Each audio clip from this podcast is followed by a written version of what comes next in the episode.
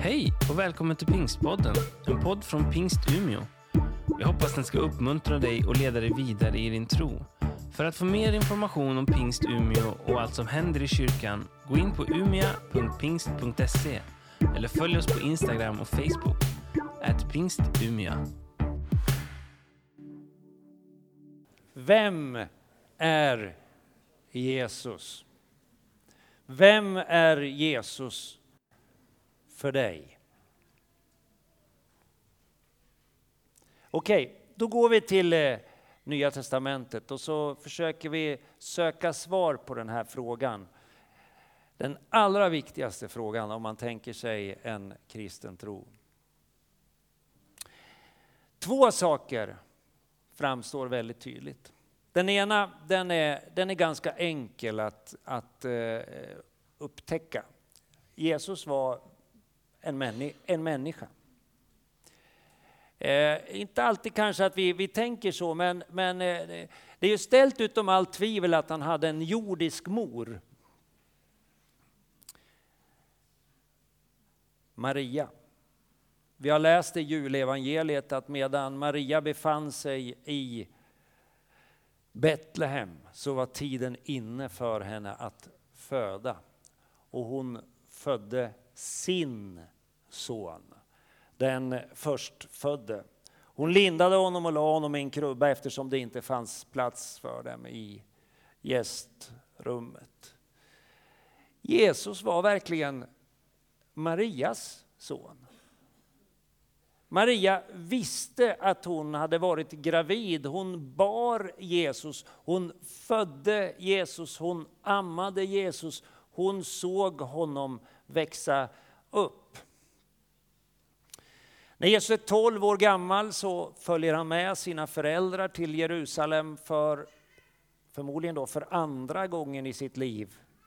Kanske han har varit med några gånger tidigare som, som spädbarn, men det här är i alla fall den första offentliga gången som han får följa med. Han är 12 år gammal och han gillar det han är med om i Jerusalem. Han känner sig hemma i templet och, och stannar kvar där när föräldrarna och liksom sällskapet ifrån Galileen är på väg tillbaka upp och, och hem. De går faktiskt därifrån. Jag har funderat på vilka föräldrar gör det. I tre dagar, tre dagsresor går de. Jag vet inte om de gick snabbt så de hann långt på en dag, men de, tre dagsresor. Och så upptäcker de att Jesus inte är med och de, de blir ju liksom förtvivlade, frågar var, var är han någonstans? Alltså det, om man tänker, eh, egentligen är det en, en eh, fruktansvärd men ändå ganska mänsklig situation att tappa bort sina barn. Ett barn liksom som är ute på villovägar. Nu var han ju inte på villovägar, han hade ju dröjt sig kvar i, i templet. Eh, och jag kan tänka mig att Maria och, och Josef, de, de var, de, de, eh, de, var både lättade och arga. Bestörta står det här. Hans mor säger till honom, Min ba, mitt barn, varför har du gjort så här mot oss? Din far och jag har varit så oroliga och letat efter dig. Därefter följde han med dem till Nasaret och underordnade sig dem. Alltså Jesus var en son i familjen. Och folk i Nasaret visste eh, vem han var. De kände till hans släkt. Och det är det här som gör det lite, eh, lite bökigt, för man vet inte riktigt hur man ska förhålla sig till Jesus när han sen kliver ut och börjar visa att han inte bara är Marias son, utan också Guds son. De vet inte riktigt hur de ska förhålla sig, så de säger, är inte det där snickaren Marias son, bror till Jakob och Joses och Judas och Simon, de vet liksom vilken familj han hör hemma i. Bor inte hans systrar här hos oss också? Och så tar de liksom anstöt, eh, inte av hans mänsklighet utan av hans gudomliga anspråk. De vet liksom inte riktigt hur de ska förhålla sig till Jesus. För de märker att den där grabben som vi har sett växa upp i vår hemby i Nasaret och som har gått omkring där uppe i Galileen tillsammans med, med de andra ifrån den byn. Han har, de har kanske träffat honom nere vid Galileiska sjön. De, de, de vet ju om att det där är en snickare. De känner hans familj. Så när vi närmar oss Jesus så är det viktigt att komma ihåg att vi närmar oss en person som, som faktiskt är mänsklig. Alltså han är, det är en människa av kött och blod. Han har eh, mänskliga, ja kan man säga, egenskaper. Efter ett tag i hans offentliga verksamhet så får han problem, han får relationsbekymmer, han får problem med fariseerna och han drar sig undan. Han tar vägen genom Samarien och när han är på väg från Judeen till Galileen så blir han trött efter vandringen. Alltså,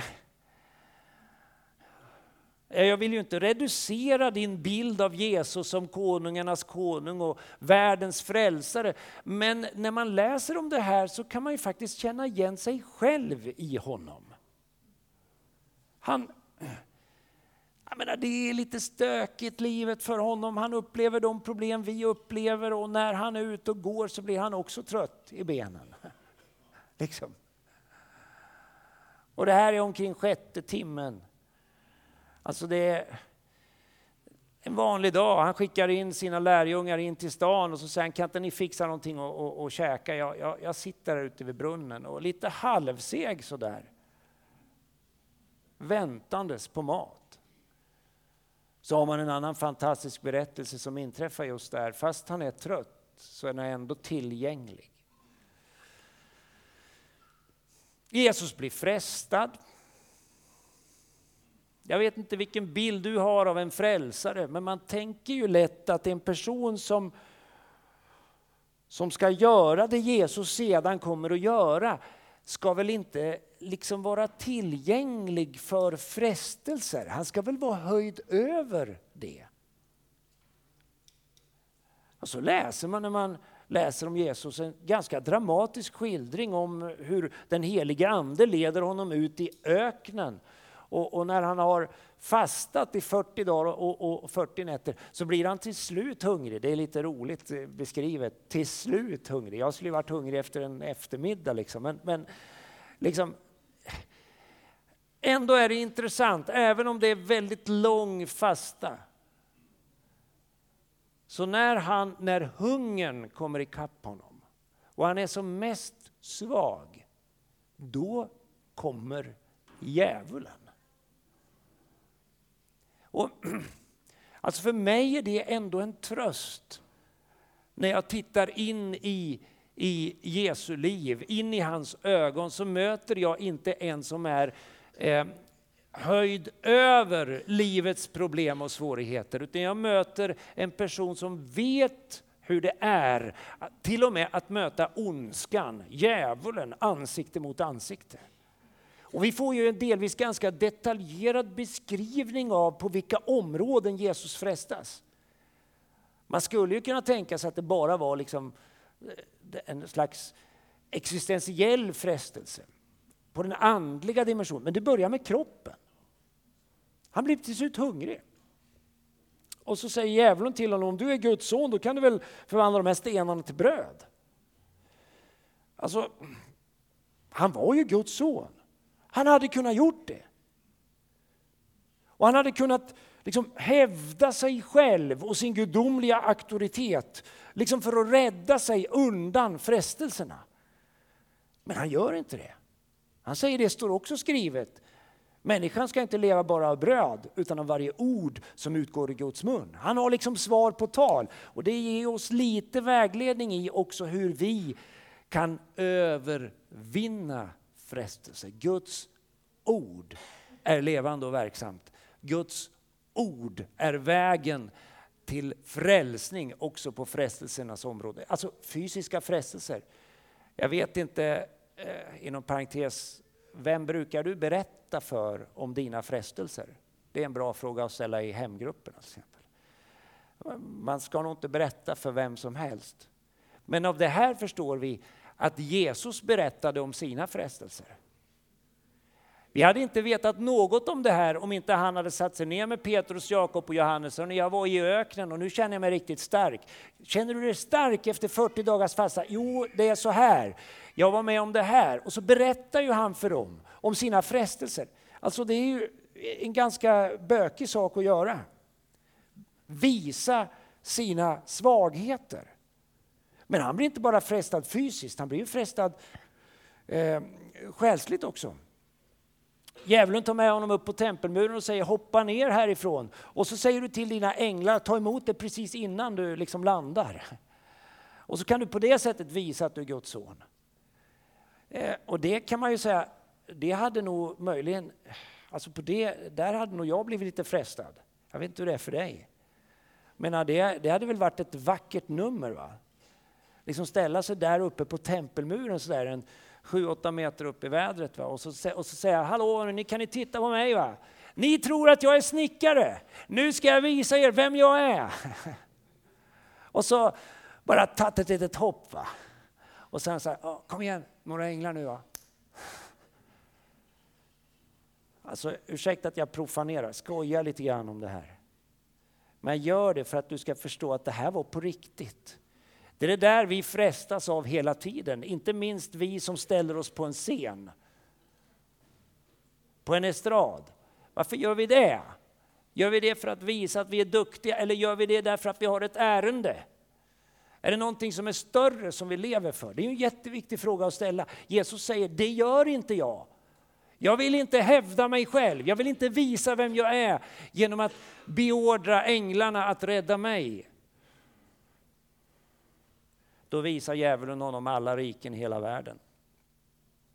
Allt som han egentligen är ute efter att vinna. Och så säger han, ungefär som Gote sa på Operan i höstas. Du kan få alltihop det här. Allt du längtar efter, det är bara en tiny liten detalj. Bara en liten, liten detalj. Fall ner och tillbe mig.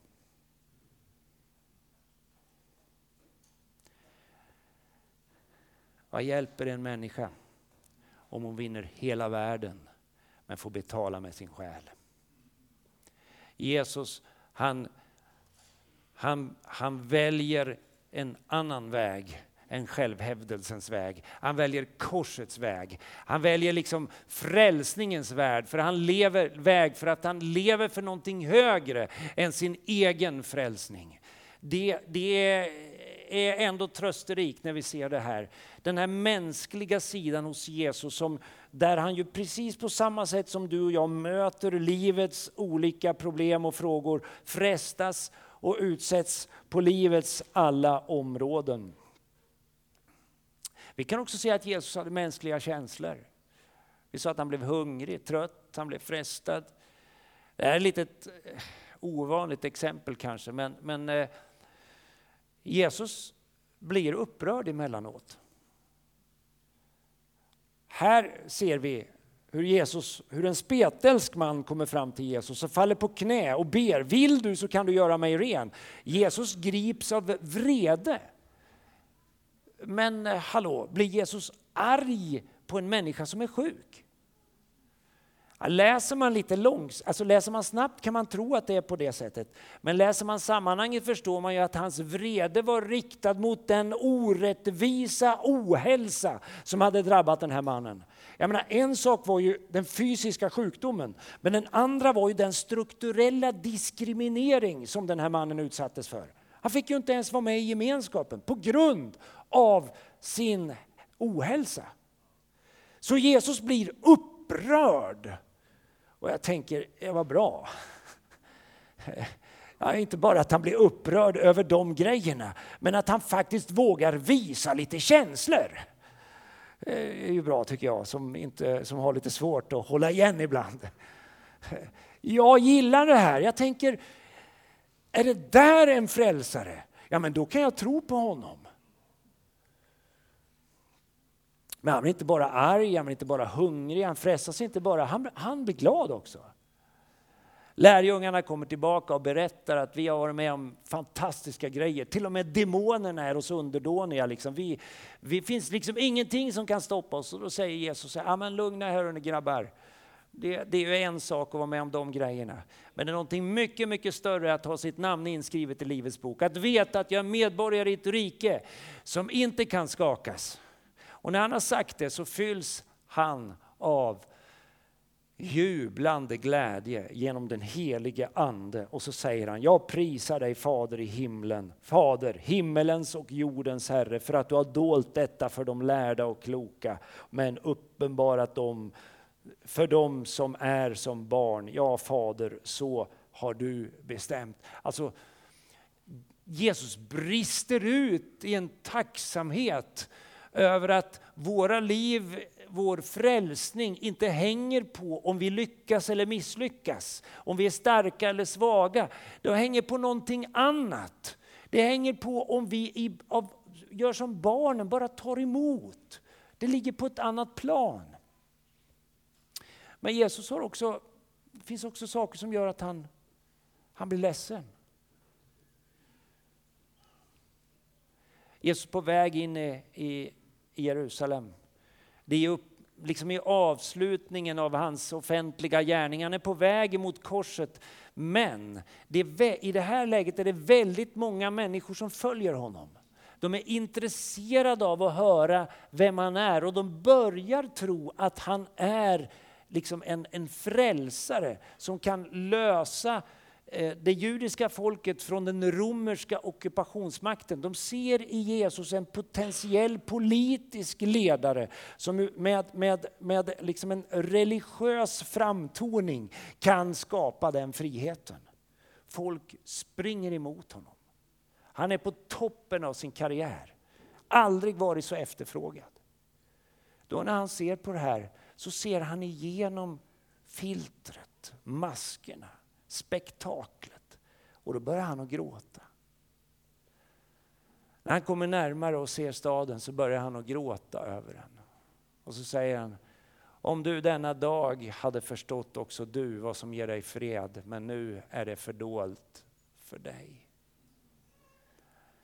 Alltså, när vi närmar oss Jesus Kristus, den historiska personen Jesus Kristus, så närmar vi oss en person som en människa, som du och jag. Vi kan när vi möter honom faktiskt känna igen våra egna livsberättelser. Även Jesus vet hur det är att vara flykting, Mersti. Han fick fly för sitt liv tillsammans med sina föräldrar bara för att överleva. Och när, när, liksom den, eh, när Herodes hade avlidit då kunde de återvända i fred och trygghet men de visste inte säkert. Hans mamma vet hur det är att bli felaktigt anklagad för att eh, ha haft ett samliv tillsammans med en man innan hon var gift. Jesus, ja men vem är egentligen hans pappa? Alltså, han har varit med Jesus. Han vet hur det är att vara människa. Så den andra sidan, som ju inte alltid, jag menar för oss som har en tro på Jesus Kristus så är det här naturligt. Vi kan tänka oss att be till, till Jesus. För vi tänker så här, att det som i begynnelsen var ordet, och ordet som var hos Gud och ordet var Gud. Alltså det där ordet som Gud sa och allting som, som, med vilket han skapade. Det som var i begynnelsen, genom honom har allt blivit till och utan honom har ingenting blivit till som är till. Och ordet blev kött, alltså antog en mänsklig gestalt och bodde bland oss. Det här är vad Bibeln säger om, om Gud. Bibeln säger att Gud, Jesus är också Gud. Guds son. Jesus tar med Petrus, Jakob och Johannes upp på förklaringsberget. Och då säger Gud det han sa om Jesus i samband med Jesu dop. Det här är min älskade son. I honom har jag min glädje. Eh, de första kristna de identifierade Jesus som den osynlige Gudens avbild, förstfödd före allting. De sa om Jesus att i honom har hela den gudomliga fullheten förkroppsligats och tagit sin boning. Det är liksom gudaktighetens hemlighet. Jesus. Alltså att se Jesus, det är att möta Gud. Officeren som ser på vilket sätt Jesus dör, han säger den där mannen, han måste verkligen ha varit Guds son. Ögonvittnena säger att det är någonting mer med Jesus, men inte bara de, de liksom troende. Militären här var ju liksom inte troende från början, men även tvivlarna säger ju det. En av lärjungarna, Thomas, hade ju svårt att gå med de andra som var så fyllda av tro på att Jesus hade uppstått, så han säger, jag kan inte tro om inte jag får se. Då kommer ju Jesus och visar sig för, för Thomas. En fantastisk berättelse i Johannes, det 20 kapitlet. Och, och, när Thomas har fått möta Jesus, då, då säger han, du är min Herre, du är min Gud. Och när, när Thomas, det uttryck Thomas använder här om Jesus, han använder det grekiska ordet kyrios som svarar emot det hebreiska ordet Jahve. Alltså det, det där stora ordet som hebreerna, det judiska folket använde när de skulle tala om Gud. De visste knappt hur det skulle uttalas och vågade knappt ta det i sin mun. Men Thomas, när han säger vem Jesus är, så säger han du är Jahve, du är Kyrios. Jesus säger själv indirekt att, att han är Guds son. Min fader verkar fortfarande och därför verkar även jag.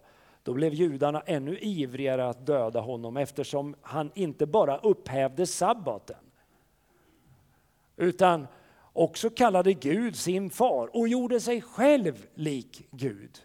Alltså det var så uppenbart att, att Jesus menade att han var Guds son. Han säger det till och med på raden vid några tillfällen. Tro mig, sa Jesus. Jag är den jag är. Långt innan Abraham fanns. Jag menar, det här är 2000 år efter Abrahams födelse och död. Så säger han, jag är innan Abraham. Alltså Jesus tar ju enorma, han gör ju enorma anspråk här. Han säger, jag, inte, jag blev inte bara till när Maria blev gravid. Jag fanns före moderlivet. Jag är Guds son. Och det här blir särskilt tydligt när Jesus stillar stormen. Det finns lite olika skildringar och olika berättelser om hur det där gick till. Men det som är påtagligt är att Jesus är Herre över fördärvsmakterna. Så när vi tittar på tillvarons fördärvsmakter och funderar, vem är det egentligen som har möjligheten att förändra situationen? Så visar Jesus att den Gud som har sänt mig, han har gett mig den här auktoriteten. Han till och med kan gå på vattnet. Det behöver inte vara 20 minusgrader för att jag ska kunna gå på vatten. Jag kan gå om det stormar, om de går. Ja, ni fattar. Men det som kanske retade människor på den här tiden allra mest, det var när Jesus agerade som försonare. Det bärs fram en lam man till Jesus. Och när Jesus ser den förlamade mannen som han firar ner framför honom och hans fötter genom ett tak, liksom, det är massa det är svårigheter att, att, att, ta sig fram till, till Jesus. Det där är ju en, en intressant fråga. Vad är det som hindrar? Vilka hinder finns för människor att ta sig fram till Jesus? Men den här mannen kommer i alla fall hela vägen fram till, till Jesus. Då vänder sig Jesus till den här mannen och säger, eh, mitt barn, dina synder är förlåtna. Och då, då undrar ju de rättrogna, vad, vad tar han sig själv för?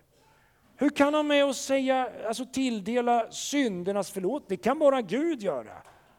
Jag menar, han har inte rätten att göra det. Och då, för att visa att han har rätten, så säger han, för att ni ska förstå att Människosonen här på jorden har makt och rätt, behörighet att förlåta synder. Och så vänder han sig till den lame mannen. Res dig upp, ta din säng och gå hem. Och mannen får kraft till sina leder, reser sig upp och går hem. Jesus han eh, hade ju kunnat säga till, eh, till de som vände sig till honom med, med bön och tillbedjan. Du, eh, det där ska du skicka vidare. Jag är bara en profet. Jag är bara ett sändebud. Men Jesus han tar emot bön och tillbedjan på ett sätt som bara den kan göra som är universums Herre. Så när vi snackar Jesus Kristus så snackar vi inte bara en människa, vi snackar också Gud. När vi pratar om Jesus pratar vi inte bara om en människoson, vi pratar om en gudason. Jesus är generös också. Han säger att den behörighet, den access som jag har till Guds hjärta, den vill jag dela med mig av. Jag vet inte om du brukar göra det, men veckan som gick så hade jag glömt mitt, mitt bankkort. Och jag skulle äta lunch. Jag skulle bjuda någon på lunch och jag hade inget bankkort. Jag hade alltså inga pengar. Jag hade telefonen så jag kunde ju swisha pengar, det gick ju. Det är ju fantastiskt nu för tiden. Då vände jag mig till Matteus och så säger du, eh, du har inte en hundring eller två, jag, eh, två kanske tre. Eh, nej men du kan ta mitt kort, säger han då. Ja, sån är han. en bra medarbetare. Och jag tänkte, undrar om det finns några pengar här? Nej, det tänkte jag inte. Men det är en sak att ha kortet. Ja? Det har man ju inte så mycket nytta av om man inte har koden. Så han sa, du kan ta kortet, jag mässar koden. Jag fick fyra siffror. Och jag tänkte, hoppas de inte frågar vem det är som äger kortet. Stack in kortet i betalomaten, vad det nu var för någonting, och så skrev jag de där fyra siffrorna. Och vet ni, middagen betalades. Det finns ett namn som Jesus har. Som han har sagt, det här får du använda. Det ger dig full access. Ja, men inte, då tänker vi lätt pengar. Men du vet, pengar det är ingenting emot relationen. Mot möjligheten att få träda hela vägen fram på ett sätt som bara den kan göra som är son i familjen, som är barn i familjen. Jesus som ju kan gå hela vägen fram till konungarnas konung. Han säger, ni får använda mitt namn. Ni får den tillgängligheten till Guds eget hjärta. Om ni ber om något i mitt namn så ska jag göra det. Sen är han ju lite kaxig Jesus, ja, eh, han, det är inte så ofta, men några gånger säger han, ja, jag ska dö. Men var inte rädda, på den tredje dagen ska jag uppstå. Eh, eh, det sa Karlskrona också, var inte rädda, på den sjunde matchen ska vi uppstå. Efter sex spelade matcher mot Timrå. Den sjunde matchen ska vi uppstå. Men de dog och åkte ur. Så det har varit en sorgens vecka den här veckan. Ni vet man kan vara kaxig, man kan säga vi, jag ska gå genom eld och vatten och så när det verkligen gäller så drar man sig undan. Man kan säga liksom, är det någonting du behöver, jag står vid din sida. Och så när det verkligen gäller så märker man att de som säger så, det är inte, alltså det är inte så lätt att stå kvar. Jag har vikt många par i mitt liv, inte alla har orkat hålla fast vid sina löften. Alltså det kräver någonting av oss. Om vi säger, jag ska stå vid din sida hela vägen. Det kostar någonting. Jesus säger, jag ska stå vid din sida om det så bär mig hela vägen in i döden. Jag tänker inte svika. Sen är det en grej till. När jag väl är där ska du veta, jag tar mig ut på andra sidan. Det säger han innan påsken. Då han kommer att korsfästas. Bland det första som jag förde vidare till er, säger Paulus när han skriver sitt första brev till Korint, var detta som jag själv hade tagit emot, att Kristus dog för våra synder i enlighet med skrifterna, att han blev begravd, att han uppstod på tredje dagen i enlighet med skrifterna, att han visade sig för Kefas och sedan för de tolv och därefter visade han sig för mer än 500 bröder, varav vid ett och samma tillfälle, de flesta ännu i livet. Jag tänker när man skickar in en sån kommentar så gör man ju det eh, därför att man vill säga till de som tar emot det här att om ni vill så kan ni snacka med dem. Man är liksom inte rädd för att det här är fake news. Det här är sant, det går att kolla. Några av dem har visserligen avlidit. Därefter visar han sig för Jakob och sedan för alla apostlarna och allra sist visade han sig också för mig, säger Paulus, detta ofullgångna foster. Det var intressant att höra en psykolog resonera om den självbilden. Ofullgånget foster. I Sverige är det inte en riktig människa, men på den här tiden så var ett ofullgånget foster en fullvärdig människa. Så det var inte en destruktiv helgbild, utan det var en bild av en människa som ännu inte har fått kommit ut i den stora världen men som är på väg ut. Men en fullvärdig människa. Men för ett ofullgånget foster, så som Paulus såg på sig själv, så visade sig också Kristus inte värdig att kallas apostel eftersom jag har förföljt Guds församling. Jesus är inte bara, inom citationstecken, en människa. Han är också Guds son. Han lovar till och med att vara med oss alla dagar till tidens slut. Alltså vilka anspråk! Så pratar vi om Jesus, så pratar vi om en människa vi kan känna igen våra liv i. Men vi pratar också om Guds son. En personlighet i historien som har båda delarna i sin identitet. Vem är Jesus? Då kan man ju ställa sig frågan, två frågor till slut. Vad gör då det här med, med Gud? Att Gud blir människa, vad gör det med Gud? Ja, de första kristna de tänkte att de tänkte ungefär så här, att vi har en Gud, en överste präst som, eh, som inte är oförmögen att känna med oss i våra svagheter, utan en som har prövats på alla sätt och varit som vi, men utan synd. Därför kan vi frimodigt träda fram och få förbarmande och nåd i den stund vi behöver hjälp. Alltså genom att han själv har fått lida och blivit frestad så kan han hjälpa dem som frestas. Alltså vi vänder oss till en Gud som förstår hur det är att vara människa. Och inte bara det, säger Johannes när han ska förklara vad det här innebär. Han säger det här skriver jag till er för att ni inte ska synda. Men om någon syndar så har vi en som för vår talan inför Fadern. Jesus Kristus den rättfärdige. Han är försoningen för våra synder och inte bara våra utan också för hela världens.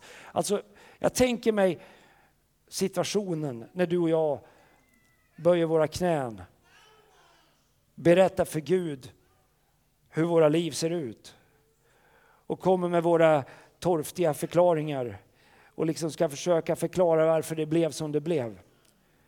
Då har vi en i himlen på Faderns högra sida som likt den allra bästa advokaten inte skruvar på sanningen men förklarar vad det innebär att vara utsatt för det du och jag har varit utsatta för. Vi har en advokat, en som står på våran sida, som vill hjälpa oss och, och, och, och, och ta oss ur den situation vi är. Det här gör Gud tillgänglig. Ingen har någonsin sett Gud, men den enda sonen, den enfödde som själv är Gud och i faderns, och i faderns famn, han har gjort Gud känd för oss. Lärjungarna de förstod inte det här, de undrade men hur får vi ihop det här? Kan inte du visa oss Fadern? Och då säger Jesus, så länge jag har varit tillsammans med er och du förstår ingenting. Den som har sett mig har sett Gud. Om någon undrar varför vi vill ha Jesus i centrum i den här kyrkan så har det med det här att göra. Ett möte med Jesus Kristus, det är ett möte med levande Gud. Den andra frågan, vad gör då detta med oss? Eller kanske ännu mer personligt, vad gör det här med dig? Vem tror ni? Vem tror du att jag är? Frågar Jesus. Vi ska be tillsammans. Säg välkommen. välkommen upp. Gud, jag vill tacka dig för att du älskade världen och människorna så mycket att du var villig att lämna din himmel, din härlighet. Lämna liksom möjligheten att liksom bara njuta av tillvaron för att möta oss där vi är och inte där vi borde vara. Tack att du blev en av oss. Tack att du gick, gick våra vägar, trampade våra stigar. Jag vill tacka dig för, för möjligheten att se upp emot en människoson som vet, vet vad det innebär att vara människa. Någon som kan eh, känna igen sitt liv i våra liv och någon vars liv vi kan spegla oss i och finna tröst. Där vi kan gå till dig när vi frestas. Vi kan gå till dig när vi är svaga. Vi kan komma till dig med vår hunger, med vår smärta, med vår sorg. Men vi kan också komma till dig när, vi, när benen spritter av glädje, när vi får, när någon firar oss för att vi fyller år eller för att vi har fått ett uppehållstillstånd. När vi är så där underbart glada så har vi någon att glädjas tillsammans med. Tack att du är Människosonen, Marias son. Men tack att du också är Gudasonen. Den som kan stilla stormen, förlåta synder upprätta och förlåta, försona, göra helt det som aldrig en enda människa kan läka, hela eller befria oss ifrån. Jesus, du är så mycket mer än en förebild för mig. Du är min frälsare. Jag tror på dig. Och jag vill bekänna tillsammans med mina vänner i församlingen, vi tror på dig. Vi vill ta emot dig, vi vill välkomna dig, vi vill öppna våra hjärtan för dig. Vi vill bygga våra liv på dig och ditt ord. Jesus, vi tillber dig. Amen.